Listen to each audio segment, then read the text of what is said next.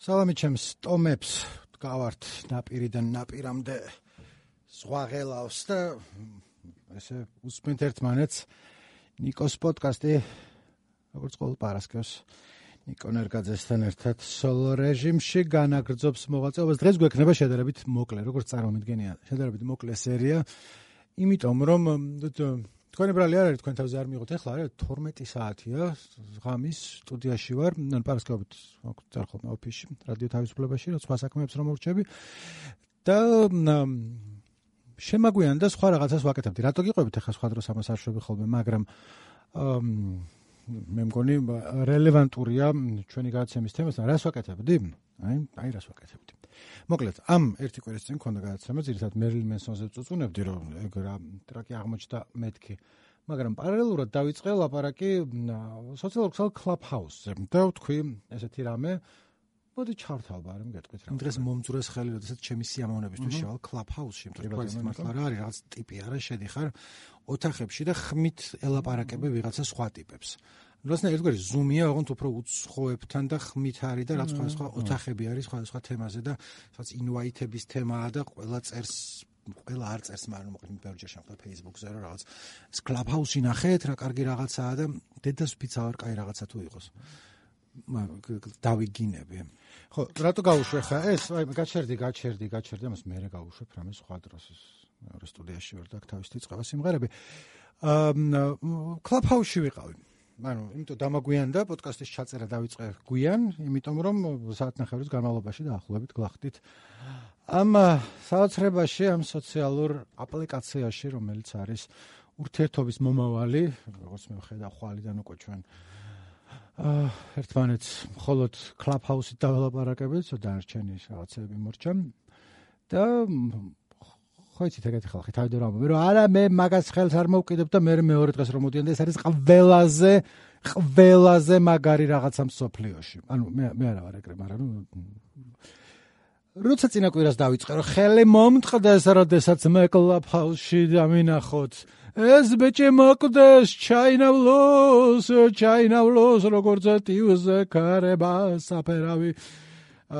არ გასულა ერთი კვირაც როგორც მიმებში არის ხოლმე SpongeBob-იდან 5 minutes later Nikoner Gadze has joined the room. ეხა თავის გასამართლებლად ვიტყოდი თქო, მაგრამ არა მაქვს არაფერი თავი გასამართლებელი, არა ვარ მე. ჩემი სიტყვების მძევალი მე არა ვარ. იმის და მიუხედავად რა სხვა ჩერც წინასწარ შემოვედი, მქონდა მომზადებული უფრო უფრო ტირა და ესეთი უფრო გულიანი ტირა და რა კლუბ ჰაუსი და რაღაცა და მე თავი შევიკავე, მეთქი რა იქნება შევიდე. საქმეს დაჭirdეს თქო და ხო, მოკლედ კლუბჰაუსში ვიყავი და მოგიყვებით. არაფერი ჩვენი მეგობარი საბა ჩიხლაძე სოციალური მედიის ავანჩავანი უსტაბაში რადიო თავისუფლებაში შეჯდა კლუბჰაუსზე და რამდენიმე დღე მხოლოდ კლუბჰაუსზე ლაპარაკობდა. და მე რა ვთქვით რა სამსახურისთვის გავაკეთოთ საჭიროა რაღაცა გვედოს პულსზე ხელი და ამიტომ გავაკეთეთ ერთი რუმი თბილისური ფოლორცის. თუ პოდკასტს უსმენთ და არის თბილისური ფოლორცი რა არის? მოკლედ გეცოდინებათ ჩემი ვიდეო გადაცემა რაც არის კვირაში ერთხელ რასაც ვაკეთებ ჯიმი და ნიკოს განკითხვის დღე, თუ არ გეცოდინებათ ვაკეთებ მაგას ჯიმისთან ერთად. და ჯიმი არის ჩემი მეგობარი, უძირო ცოდნის ადამიანი, რომელმაც საერთოდ ყველაფერი იცის ყველაფერზე და და მისი ორგანიზებულია Facebook-ის ჯგუფი, რომელსაც ქვია თბილისის ფოლორცი. და რა თქმა უნდა თბილისზე და რაღაც ჩემი შეფასება არის მხოლოდ და არავინ თავის თავზე არ მიიღოს, ცოტა ნაკლებად გოიმური ის არის თბილისი იყო ურთიერთობას ამ ბავში. იქაც ძალიან ბევრი კაი რაღაცა იდება, მაგრამ ნუ ხო იცი, აქვს მაინც თავისი რაღაცა აა სუნი დაკრავს გოიმობის. მე რატო ვარ ახლა მის საჯული რა არის გოიმობა და რა არა არ ვიცი, მაგრამ აი ვარ, ეგეთი ხოში მაქვს, დილი ხორი მაქვს, ხამუშ ხამუშ მაგებს ვაკეთებ ასე რომ ასე. ხო და სად ვიყავე?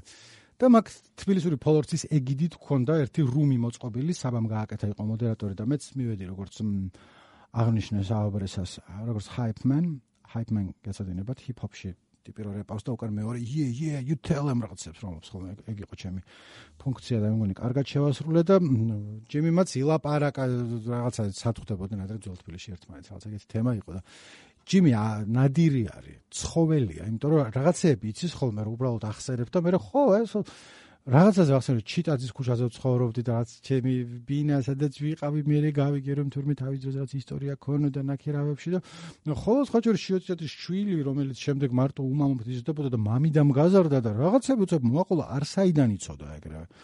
ასე რომ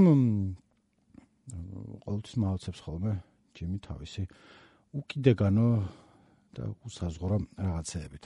ხო და ნუ მოკლედ გქონდა რა, ვისაც არა გაქვთ კლაფჰაუსი, ვისაც არა გაქვთ კლაფჰაუსი, რა, რა პონტია, кайაცუდე. იცი რა არის, ანუ ცუდი არ იყო ნამდვილად, მაგრამ მაგრამ ხა ვიჯექე ჯიმის მოსმენა მიყვარს ხოლმე და საინტერესო რაღაცებს ყובה და მაკონჩი კარგი გამოვიდა. მეორე მხრივ ხა იგივე კლაფჰაუსში სხვა რუმში რო ყოფილიყავი, სადაც რაც მარკეტინგზე ლაპარაკობენ, ალბათ მაინდა მაინც არ დამაინტერესებდა, ან ასევე უბრალოდ ჰენგაუთი, ასე რომ ეს არის რა ვისაც ჯერა ჩემი ისა კრედო არის ცხოვრებაში ვისაც ჯერა გაგატარებთ ანეკდოტიდან რომელსაც არ მოგიყვებით იმიტომ რომ ალბათ იცით. მაგრამ anyway ვისაც უსწორდება ყველა ყველაფერი თავისთვის გაიკეთოს მაგრამ აი ძირითადად თავიდან ასე სტოვებს ხოლმე. შტაბეჭდილებას კლუბჰაუსი რის გამოც შეიძლება არ მოგეწონოს და ნამდვილად მოდის ეგ რაც ნუ ჯგუფში დავამატეს კლუბჰაუსის მაღაზია არის ლაპარაკი და უმეტესობა არის ხალხის ერთობა ნუ პანდემია რა კომენდანტის საათია და ხო ხვდები ხა რატომაც არა. მაგრამ აი ასევე სუნი დაკრავს ხოლმე იცი რისი ვერ ვაყალიბებ ილონ მასკის. აი ხო იცი ხალხი რო ზის და ილონ მასკზე რო ლაპარაკობს ხოლმე საჭიროდ კი არა მეც პოდკასტში და ისე ცხოვრებაში ძირითადად ვიღაც ხებზე ვჭორავ ვინც ისაც არ ვიცნობ და რამშობა აქ მუსიკოსია თუ ილონ მასკზეც ვიჭი და გრაიმზეც ჭორები ანუ არა მარტო ბავშვ სახელს ვარ რაღაცა. მაგრამ მაგაზე არ არის ხო იცი სერიოზულად ილონ მასკი რომელიც მაგრამ განიხილავენ როგორც კიდევ ერთხელ რატო გამსჭირა რა ჩემი საქმეა? ვისაც როგორ უნდა რაც უნდა ისაკეთოს ძმანო და დანო ხო იცით ახლა ჩვენ არა ვართ მაგამ ბავში მაგრამ არ შემილია რა ეს ილონ მასკს სერიოზული ლაპარაკი და რაცა რუმი ქონდა ილონ მასკს და შევიდა 5000 გაზ და ილონ რას გვეტყვი ილონ? რას გვეტყვი? ჩამოვა ვაქცინა გორში თუ რაღაცა ის რაღაც მიმებით პასუხობს ახლა. Yes thanks. Thanks get money არ არის. მე მაგრამ უცებ stonks-ის მეტი არაფერი არ მომივიდა თავში. ილონ მასკთან დაკავშირებით. dogge shitsu თუ რა ქვია dogge ვინც არის იმის ჯიშს. shitsu არ არის. არა ვარ ძაღლის ჯიშების სპეციალისტი. მოკლედ ლაპარაკი იყო საინტერესო რა. ანუ თუ რაც მომენტ კიდე გავაკეთებთ. მაგის თქმა მინდოდა რომ შემდეგზე რო ვიღაც ამან წამომაყრანტალოს საკუთარი სიტყვები რო არ დამიყენოს წინ მე კიდე ერთხელ არა ვარ იმის საკუთარი სიტყვების ძევალი. და ანეკდოტს მოგიყვებით, ახლა ძალიან დიდი ბოდიში უბრალოდ გამახსენდა. არ არის მაინც კაი ანეკდოტი, მაგრამ გეტყვით. არის ესეთი პოხუისტების დემონსტრაცია. ანუ ფეხზე მკიდია ხალხის დემონსტრაცია. უნდა ესე ვიტყვი, თუმცა ეს პოხუისტებზე არის ანეკდოტი. და აწერია ტრანსპარენტზე, ჩვენ ყველაფერი ფეხზე მკიდია და მოდიან მკიდია, მკიდია, ეძახიან და ჟურნალისტი გააჩერებს და ეკითხება, რომ თქვენო რა ყველაფერი ფეხზე კიდია? თუ ყველაფერი ფეხზე კიდია აიო თქვა ფული ფეხზე კიდია? ფული ფეხზე კიდია ყვირის არ ვიცი რა თქო ყვირის მაგრამ თქო არ კიდია ბოლომდე ფეხზე. პოლიტიკა ფეხზე კიდია? პოლიტიკა ფეხზე კიდია ეს ყვირის და შეკითხა ქალებიც ფეხზე კიდია? არა ქალები არ მკიდია. ეს პასუხობს და აბა იქ ტრანსპარენტზე რო გიწერია რომ ყველაფერი ფეხზე კიდია? ფეხზე კიდია იქ რა გიწერია მიხვდით რატო გამახსენდა ხა და იმიტომ რომ მე ვარ ეგ კაცი ჩემს სულ ერთი არა ვთქვი იმ წუთას რასაც ვფიქრობდი ეს თქვი და შემდეგ არა ვარ მაგისი ძევალი მესამეჯერ თქვი და სამჯერ თუ მძევალ სიტყვი მე მძევალი გაჩნდება სტუდიაში და რაღაცა გაგდება იქნება რთული. ხო და არ ვიცი. ილონ მასკის სუნი რო გაუვა მე საქმის პონჯა იცი რა ხო რომ მორჩით ლაპარაკს. მე ხმა იმით რომ დავრჩენილიყავი სხვა რუმებში გადავსულიყავი და მეტუსავა მაგის ის არ მქონია. მეორე მხრივ ხა ახალგაზრდა რო იყავი მიკეთები ამ მსგავსი რაღაცა მირქში IRC internet relay chats მაშინაც არ ვიყავი ხა ეს. აა სუპერ ჩართული მაგრამ ნუ სხვა უკეთესი გასართობი არ ქონდა და მაგიტო ხო, მოკლედ ჯიმი მოყარა ძველი თბილისის შესახვედრ ადგილებზე, მე ძირითადად ჰაიპმენი ვიყავი და ერთი ამბავი მეც მოვყავი, იმიტომ რომ ოფიცერთა სახლზე იკითხა. ერთმა შენო მეგობარმა რომ ადრე მაგარი ადგილი იყო და ჯიმი ხო არ ვიციო, აიგო ახლა მაგას მომზადება ჭირდებაო და მე 10 წუთი ოფიცერთა სახლზე ლაპარაკობდა. მეც მქონდა ისტორია ოფიცერთა სახლზე, იმიტომ რომ არ ვიცი მე რო თუ მე-9 კლასში ვიყავით, როცა შატალოზე წავედით სკოლიდან პორნოგრაფიული ფილმების საყურებლად ოფიცერთა სახლში სადაც იყო კინოთეატრი. სადაც აჩვენებდნენ პორნოგრაფიულ ფილმებს. და ერთხელ არ ყოფილა სამდიჯერმე ვიყავით და დიდი ეჭვმა ქრო ამაზე მოვყავით მე და დიმა კიტოშვილი რომ ლაპარაკობდით 90-იან წლებზე მაგრამ ნუ ეგ გამახსენდა მეც იმიტომ რომ მანდ ვიყავით. და ნახეთ სხვადასხვა ფილმები. ზოგი იყო ამერიკული ეროტიკული მელოდრამა ქვია ახლა მაგ ჟანრს არ ვიცი რაც რაც კაც და ხალს ერთმანეთი უყვართ და ბოლოში სექსი აქვთ. ოღონდ სექსი აქვთ უფრო ასე ოხში ვარი რო ასდის შორიდან და ის ცოტა საქსოფონის ხმარო შემოდის და თეთრი ფარდები რო ირწევა ქარში რაც ნუ მაგდონის მაგრამ ზუსტავები ჩანს და ამიტომ რაღაც უფრო ის არის უფრო ეროტიკულია ვიდრე სხვა მსგავსი სცენები და ერთხელ ვიყავით იმენა პორნოგრაფია იყო როს ყველაფერი რო ჩანდა. მე რო კლასელები იყო ჯერ რატო შეგუშვეს იქ და მე ესეთი ოთახი იყო სავსე კაცებით იმენა კაცებით იყოს ანუ კაცებით იმის კარო რომ გენდერული ბალანსი არ იყო დაცული და ქალებიც უნდა ყოფილიყვნენ მაგრამ აი იმენა დიდი კაცებით იყო სავსე ისხდნენ და უყურებდნენ და ეჭვი მაქვს რომ ალბათ მარტო არ უყურებდნენ ხარ და მიწა აქეთ-აქეთ ყურება და ეხლა უყურებ ალბათ ცოტა ის არის ას ფილმებში რო არის ხოლმე ჩამოგლეჯელ კინოთეატრში პლაშიანი კაცები რო შეხედან და თქ თქ თქ თქ თქ თქ თქ რაღაცას უყურებენ და ანუ უყურებენ ტაკ ტაკ ტაკ არის ყავს საკეთებენ ეგ იყო და ალბათ ეგ პონტი იყო უბრალოდ რაღაც ჩვენ ისე ვისხედით რომ თითქმელი ქალები და მაგარია. და მე ლაღიძეში მივდიოდით ხაჭაპურის საჭმელად რომელიც იმის ქვეშ იყო. ასეც საინტერესო ამბავი მქონდა მოსაყოლი რომელიც კიდევ ერთხელ ალბათ მოვყევი მაგრამ მეორე ჯერს მოვიყვებით თქვენი რამიდის მე დავფიქრდი იმაზე, რომ რაც უფრო მეტი სოციალური ქსელი ჩდება, ხო არა, ვიღაც ხალხი, ვინც აქტიურები არიან ხოლმე, ეს Facebook-ზე წერენ რაღაცებს, როგორც თქვა, აი, როგორც ქართველი მუსიკოსი იქნებოდა, ისინიც ეგრე წერენ ხოლმე და დიდი ვარსკვლავები ვინც არიან, მაგათ თავისი მენეჯერი ყავთ, ზოგი Twitter-ზე თავისი წერს, მაგრამ იმის თქმა უნდა, რომ აა, ასე რა თქვი, ვინ გამოჩნდა Reddit-ზე იყო ეგეთი Thread-ი სოციალურმა მედიამ ვინ გამოაჩინა, რომ რაღაცნაირი უსიამოვნო ტიპია, რომელსაც არ იფიქრებდიო. მუსიკოსებზე იყო ლაპარაკი. და იქიდან ჩაუყევი და აღმოჩნდა, რომ რამდენიმე ტიპი, რომელიც არც იმაც არ მიფიქრია, მაინდა-მაინც ბევრი, მაგრამ ნუ მომწონებია თურმე რაღაც ვერ არიან ფლოთ ისეთი ჯიგრები, როგორც უნდა იყვნენ და ერთი ყვებოდა ერთ ტიპზე, რომელიც მე სახელს არ ასახელებდა, მაგრამ მივხვდი, ვინც იყო და სხვაებიც მივხვდნენ და იქ მოკლედ მენსან იყო ეგეთი ჯგუფი 90-იან წლების ბრიტ პოპის ესეთი მეორე რიგის წარმომადგენლები იყვნენ, ანუ ღვაზის და ბლარი არ იყვნენ, მაგრამ ნუ რაღაცა რა, რამდენიმე ჰიტი ქონდათ, სამი. მოსმენელი მქონდა, მე кайფობდი და რაღაც სიმეებში მქონდა ხოლმე კომპილაციებში მენსანის I will always disappoint you და ასევე she makes my nose bleed რომელსაც ახლა მოგასმენებთ როგორია. ცოტა ჩავთავ. ანუ she makes my nose bleed is mass მის გამოცხვილიდან სისხლი მომდის და რა თქმა უნდა იცით ვიკენდის სიმღერებიდან და ალბათ არა მხოლოდ აუ რა кай ხმა გამიხდა მოი ცოტა ხანი ესე დავიტოვებ რა ცოტა რა ინტიმური ჩამეხრინ წარა და უცებ მომეწონა ესე გავაგზავნებ ხო და ვინც არიცით თუ სადმე სიმღერაში ცხვირიდან სისხლის წამოსვლაზეა ლაპარაკი თუ ხაზგასმულად ვიღაცა მუშტი არ ჩაარტყა კოკაინზეა ეგა ასე რომ ეს სიმღერაც მაგაზია ხვარინანეთ რო აქამდე უსმენთ უკვე რაღაც ახალი გაიგეთ რაც ალბათ იცოდეთ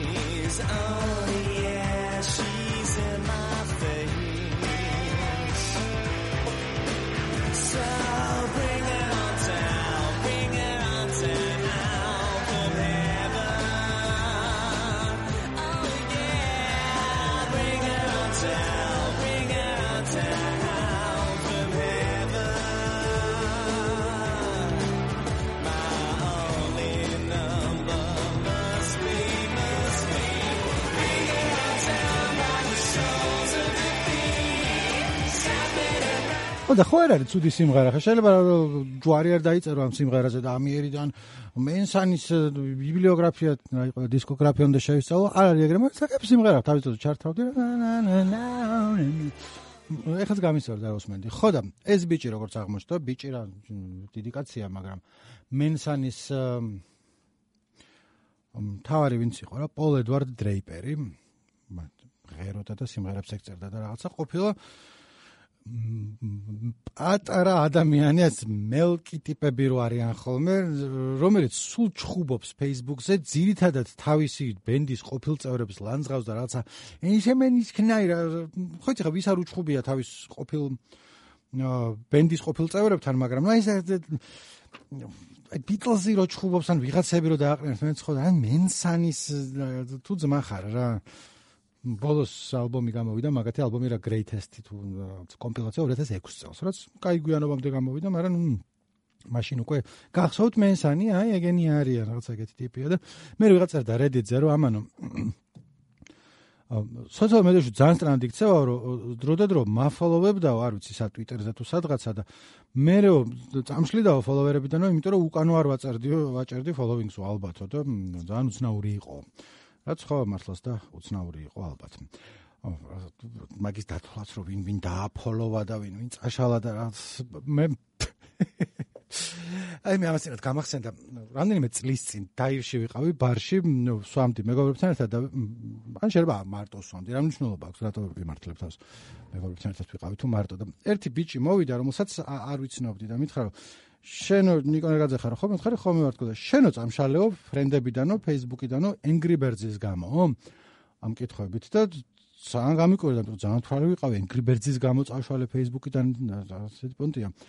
ისეთი პონტი არა ეგ რომ მითხა ზუსტად მივხვდი ვინც იყო იმიტომ რომ მართლაც და წავშალე ფეისბუქიდან Angry Birds-ის გამო როგორც ეს არ ვშლი ხოლმე არავის ნუ ვაჰაიდებ თუ რაღაცა ნერვს მიშლის მაგრამ ამ ტიპს არ ვიცნობ და რაღაც ხო ფრენდებში რო ყავს ვიღაცა რომელსაც არ იცნობ. უბრალოდ ყავს თან წინა პროფილი მქონდა მაშინ უფრო ყველას ვიმატებდი ხოლმე ვიცნობდი არ ვიცნობდი რაცამ გამომიგზავნა ბაზარი არ არის ხო და. მაგრამ თამაშობდი Angry Birds with Friends. პატარა iPad mini მქონდა და ნუ Angry Birds-ის ერთ-ერთი ის არის რა. Facebook-ზე ეჯიბრები შენ ფრენდებს რაღაც კონკრეტული ამოცანის შესრულებაში და ვის მეტი ქულა აქვს და ამ ფრენდსის სიაში მყავდნენ რა 6-7 კაცი ვიყავთ რა და ბევრი არ თამაშობდა მაგას. ეს ბიჭი ხან ხან არა, კარგად თამაშობდა ალბათ ჩემზე, მაგრამ ნუ არაერთხელ მომიგია მისთვის. მაგის გამო არ წამიშლია. წავშალე იმიტომ რომ რაღაცა ყუთები უნდა გაგეგზავნო რა სხვებისთვის რომ იმას ამოსვლო და სუპერ პაუერ ხო ხვდებით ან რაღაც რომ უგზავნი ხოლმე ყოველდღე რომ შეიძლება დააჭირო და გაუგზავნდა. მე უგზავნიდი ამ ბიჭსაც მათ შორის 7 მყავდა 7-ვეს უგზავნიდი და იქ რომ მოგდის ხსნი და მე უკან შეგიძლია გაუგზავნო. ის არ მიგზავნიდა და ბოლოში მომიშალა ნერვები რომ მეთქი ყოველდღე ხედავ ვიღაცას ვისაც არ ვიცნობ რატომ ყავს მეგობრებში არ ვიცი თან ხან მისწრებს და ხან რაღაცა მაგას ვეჯიბრები და რატომ ვფიქრობ დემასზე და თან არ მიგზავნის იმ ყუთებს რომელიც არის გამოსაგზავნი და წავშალე და ეგ რომ მეთქა არ მახსოვს რა უპასუხე მე მგონი უთხარ კი მეთქი და ალბათ მაგითო მაგრამ ასევე ცოტა მომერი და სამყაროსთან რომ რა იმაზე ვლაპარაკობ მენსანისტებს რომ მელკიტიფიაო და რატო რატო წაშალო მაგის გამო ადამიანი მაგრამ მე ვარ მხოლოდ არც ნანო პიცი ეს ეს მომეჩვენა წუთას რომ ეს იყოს სწორი საქციელი ეს იყოს სწორედ ის საქციელი რომელიც მე უნდა გადამედგა და მაგიტომაც წაიშალა ეს ბიჭი ფრენდებიდან როდესაც არ მიგზავნი და ყუთებს რომელიც უნდა გამოეგზავნა და ნეტა ჩემზე რას ფიქრობს მას მე იმიტომ რომ ხო დაამატა და როგორც ხვდები მაგის მხრიდან ახლა კი შეიძლება ნასვამი იყო და რაღაცა მაგრამ კაი გამბედაობა მინდა რომ უცხო კაცთან მიხვიდე და გაუტრაკო რომ რატო წამშალე ბრენდებიდან თან რასისულელის გამო? მე ხა ვერ ვეტყოდი სხვა ანუ იმ ბიჭკა რომ ამონათებ ყოჩახ საღო რომ გულში არ ჩაიდო და რომ დამინახა მოვიდე და მითხრა რა პუნტი იყო. მე ვარ მხოლოდ კიდევ ერთხელ მე არ ნანობ რამდენი ხანი განვიხილე? იცი რა არის ხო იმაზე გამახსენდა მენსანზე და მელკი ადამიანობაზე რომ ხანდახან ყველა ეგრე ვარ ხოლმე რა წასაშლელი იყო ეს ბიჭი. იმიც კონდა თავისი სიმართლე, როცა მოვიდა და პასუხი მომთხოვა, მაგრამ მაინც წასაშლელი იყო. ეგ არის ჩემი კომენტარი მაგასთან დაკავშირებით. და მე ვიღაცები აღმოჩნდება ხოლმე ეს აა ცოტა პაუზა უნდა გამეკეთებინო, შემდეგ იმაზე გადავდივარ. კიდე ვინ არიან? აი რა რო აღმოჩნდა. ეს კი მართლაც და ყოველთვის ძალიან მიყვარდა ჯგუფი Cake, რომელიც გაგონილი გექნებათ ბევრ სიმღერებს ღეროდან I Will Survive-ის ძალიან კაი ვერსია აქვს და არა მარტო მიყვარდა, ეხაც მიყვარს და ალბომები მაქვს მოსმენილი თავიდან ბოლომდე. მეოსებოდა. ერთ-ერთი იშვიათ ჯგუფთაგანია, რომელიც ზუსტად ერთნაირი სიმღერა აქვს თუ ყველა მრავალფეროვნება არის ნული რო ჩართავ მიხვდები აი რა кейკი რო არის მაშინვე მიხვდება ECDC-ის ავით არის რო რო ჩართავ ნუ მამა არაფერში არ შეგეშლება და თუ ფიქრობთ აი I will survive ეს გარდა ჰიტი ქონდათ girl with a long skirt and short jacket პირიქით short skirt and long jacket მაგ დროს უკვე ისე აღარ მიყვარდა მაგრამ სამი ალბომი მქონდა მაგათი რა. და მე მეც აი ამ რედიტიდან გადავედი და აღმოვაჩინე რომ მაგისი მომღერალი ჯონ მაკრეი არის ხაცნაირი ასევე ჩხუბა ადამიანია, რომელიც აი ჩხუბა ადამიანი, ხო ხო შეხვალ და ჯერ ვიღაცას ეჩხუბებოდა ადრე რომ ვიღაცა სკოლის მოსწავლეს რომ ჩემი ალბომი უკანონო თათო ჩამოწერე თუ რაღაცა თელი ამბავი ქონა მაგაზე ატეხელი რაც გეხოცები რა შეარგება ჩამოწერა. მეც უკანონო ქონა მაგის რაღაცები ჩამოწერა რა კი მიყიდია მაშინ მაღაზიაში არ იყიდებოდა მაშინ. რომ წყופილიყო მაგის ფული არ მქონდა. ეხლა კი ბატონო იმას ვაძლევ ვიღაცას ფულს YouTube Music-ს ვაძლევდი ფულს გავაუქმე ხა და Spotify-ზე გადავალ, იმიტომ რომ უფასო თუ თუ დამაგთან Spotify უფრო იაფია 5 დოლარი ღირს და YouTube Music-ი 10 დოლარია და თამდე ეხვეწყო რომ იმი ხლა VPN-ი ჩემოვალ ვითომ ამერიკაში ვარ და კი ხებზე უფრო ჯიგარი იყო YouTube Music-ი მაგრამ რომ ერთხელ რო VPN-ი შეხვიდოდი მე აღარ გრუზავდა მაგრამ მ გავიცი ნახოთ ახლა Spotify როგორ წაიღებს და 5 დოლარის განსხვავება არ არის ჩემი აზრით პატარა განსხვავება თვეში. ეხლა რომ მოუბრუნდეთ, ხო და ეს მაკრე გარდა იმისა რომ ბავშვს ეჩხუბა რაღაცებს ხო ჯაი მეტის მეტად ბუნებას რომ მეტის მეტად უფრთხილდებიან არასწორიან ბუნებას მეტის მეტად ვერ გაუფრთხილდები, მაგრამ სხვებს რომ მეტის მეტად ეჩხუბებიან და თვითონ кай ტიპები რო ჩანან ხოლმე რომ ვიღაცებს ეჩხუბება რომ რატო არა გაქვს მზის პანელების სახლს ექნება ფული არა აქვს მაგის ხვდები რაღაც ელექტრონული მანქანა უნდა ყავდეს სულ ყველას სულ ყველას ხალხო რას გავხართ რატო წვავთ ბენზინს თუ რაღაცა და კი კი გეთანხმები რა თქმა უნდა გადავიდეთ ამ ელექტრონულ მანქანებზე მაგრამ ვიღაცა შეიძლება ძველი აქ მოკლედ რა სხვანაირად შეიძლება რაღაცა ჩხუბის garaშე შეიძლება რა რა თუნდა ჩხუბი აქანე. რა თუნდა აქანე ჩხუბი. ეგ და მობი არის კიდე ეგეთი აუტანელი. მობი ისეც აუტანელია მობის ის გამოვიდა ავტობიოგრაფია შარშან. სადაც რაღაცა ძალიან გულგადახლილი ყვებოდა როგორი იყო ეს შეყარებული მე მგონი კრისტენ სტუარტი არა კიდე ჰერმიონესა იყო მე მგონი ლაპარაკი სადაც ამბობდა რომ ცოტა ხანი ერთად ვიყავითო და ის ამბობდა რომ არანაირად არ ყოფილვართო თუ ნატალი პორტმანი ან ვიღაც მსახიობი ან რატო ვიხსენებ ამ ორს რომელიც არ არის ასაკეთ ერთმანეთის მსგავსები მაგრამ ეგეთი კალიბრის მსახიობი იყო თან რომელიც იყო ახალგაზრდა მსახიობი ანუ რა 19 წლის იყო თუ 18 და ეს რაც მობიალს ამბებს ყובה როგორ ჩავეხუტეთ და იქ მე ვთხრე რომ არა მე ხელს ვერ მოკერებ თუ რაღაცა და მე იმ გოგომ დაწერა რომ რა ვიცი ერთჯერ ვიყავი თუ ერთად თუ მარა ბოიფრენდ გერლფრენდის არ ყოფილიყო და არც აფე არ ქონია 200 ყובაო ესო? სუ გაგიждაო მობიო მელოტიო მელოდი კაცი კაცი რომ მელოდი იქნება აგარი უკვე всё განაჩენია. განაჩენია. ეს არის ჩემი დასკვნა. კეიქსაც მოგასმენინებ ცოტას და მე რაღაცნაირად შევჯამდები და დავიშალოთ თორე. ჩემზე ნერვიულობთ, ანუ გვიანია, მაგრამ მაქვს, რა ქვია, ნარუშულოვკა ერთი ას პრივილეგია ხომ და კონდეს ადამიანის ცხოვრებაში. და როგორც ჟურნალისტი. ხო, თან აი რატო დამწყებული კეიქს მეტად ვიდრე მენსანზე, რომ კეიქი უკეთესად ვიცი და თანასწორი ჭკვიანური სიმღერები აქ რა, ნუ მარტო ის არ არის რაღაც ეს არის I bombed Korea ქვია კორეას ბომბავდი და რაღაც ტიპზე კორეის ომის ვეტერანზე რომელიცაც ბარში ზის და ცდილობს რომ ნორმალური ცხოვრება კონდეს მაგრამ ვერ დააღწია თავი იმ პერიოდს როდესაც კორეაში იბრძოდა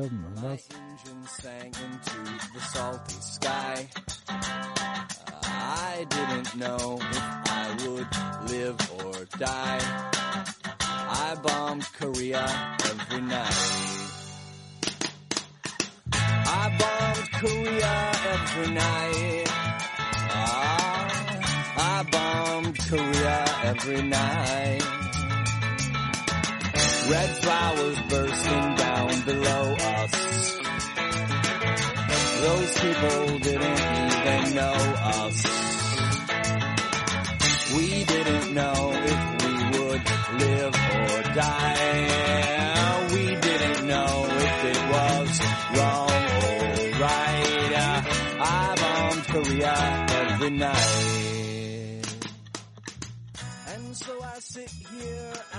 ხო და ჩემი აზრით ძალიან საყვარელი სიმღერა, ანუ არანაირი არაფერი პრეტენზია არ მაქვს ამ სიმღერასთან.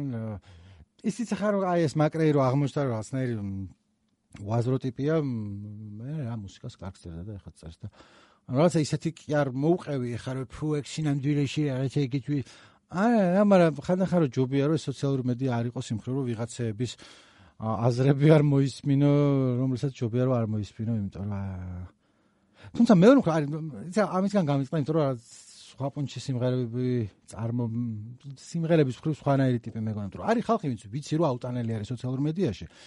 მაგრამ მაგის მიუხედავად კი რომ მაგის გამოჩენება მომწონდეს. მაგალითად მაია იგივე MIA ხო იცით? All i want to do is psh psh psh psh and and take your money რომელიც არის ოქროს კალიბდელი რაღაც ეგ თავიდანვე ცხადია რომ რაღაცნაირი პოლიტიკური აქტივისტია თავისი ქვეყნის ამბებში ჩართული და მამამისი მოკლეს ანუ ზუსტად რომელი ქვეყნის ვინ ვის ებრძვის იქ არ ვიცი. თავის შობრილ ხო შრი-ლანკა ეხლა მაგიტო დავატორმოზე რომ მე მგონი შრი-ლანკის ამბავია და შრი-ლანკას ხო შრი-ლანკა ქვია. ხო ცეილონი ერქვა და აღარ არის ეხლა შრი-ლანკა არის და იქ არის რაღაცა დაპირისპირებაში ჩართული მამამისი აღარ არის აღარ არის ჩვენთან ერთად დაქტოვა მაგრამ მაიაც რაღაცნაირად მაგმხრივაც აქტიურია და ყველაფერში აქტიურია და რაღაც კონსპირაციის თეორიები და რაღაცებს წერს მაგრამ მაგის მიღმა ეხა თუ ძმა ხარ რა მაგარი მომღერალეა ხელოვანი ქალია და ისეც ეთყობა რომ გამტრაკისტია ასე ვთქვათ და ხო, ანუ ვერ ვერ მივიყვანე ბოლომდე ეს ვერაფერი. ცადე რომ ძალიან და დაახლოებით დამეკავშირებინა კლუბჰაუსი და სოციალურ მედიაში ხალხი რომ ვიღაცები ისე კარგად არ ჩარან, როგორც შეიძლება როან ჩანდნენ, ისე არ გამოჩდებოდნენ. ხო, აზრი ეგ მქონდა, რაც ყოჩახნიკო. ძალიან მაგარი დასკვნები მაქვს და ასე. შემდეგზე კლუბჰაუსში თუ მნახოთ და დამაფოლოვეთ და დაგაფოლოვებს თუ რა ვიცი მე. გვაქვს სამსახურის სპონჩერაცებს ვაკეთებ. თავს არ ვიმართლებ კიდევ ერთხელ, მაგრამ არც არ არ ვიმართლებ. რაღაც დროს პოდკასტსაც გავაკეთებთ. საბა მითხრა რომ კიო, მოგცემო უფლებასო, ან პირი მითხრა რომ გააკეთეო შეჩემა, მითხრა ბაზარი არ არის შეჩემა თქო. აი მან აი შეჩემა და აი შეჩემა შეჩემა. რატო თქვენ შეჩემა, რატო ამ ხოლმე როცა ცხოვრებაში ეგრე არ ლაპარაკობ. კარგად იყავით ამასობაში, კაი 20 Тэр ч нахаар шатыг бараг. Э. За, ихээс ахш.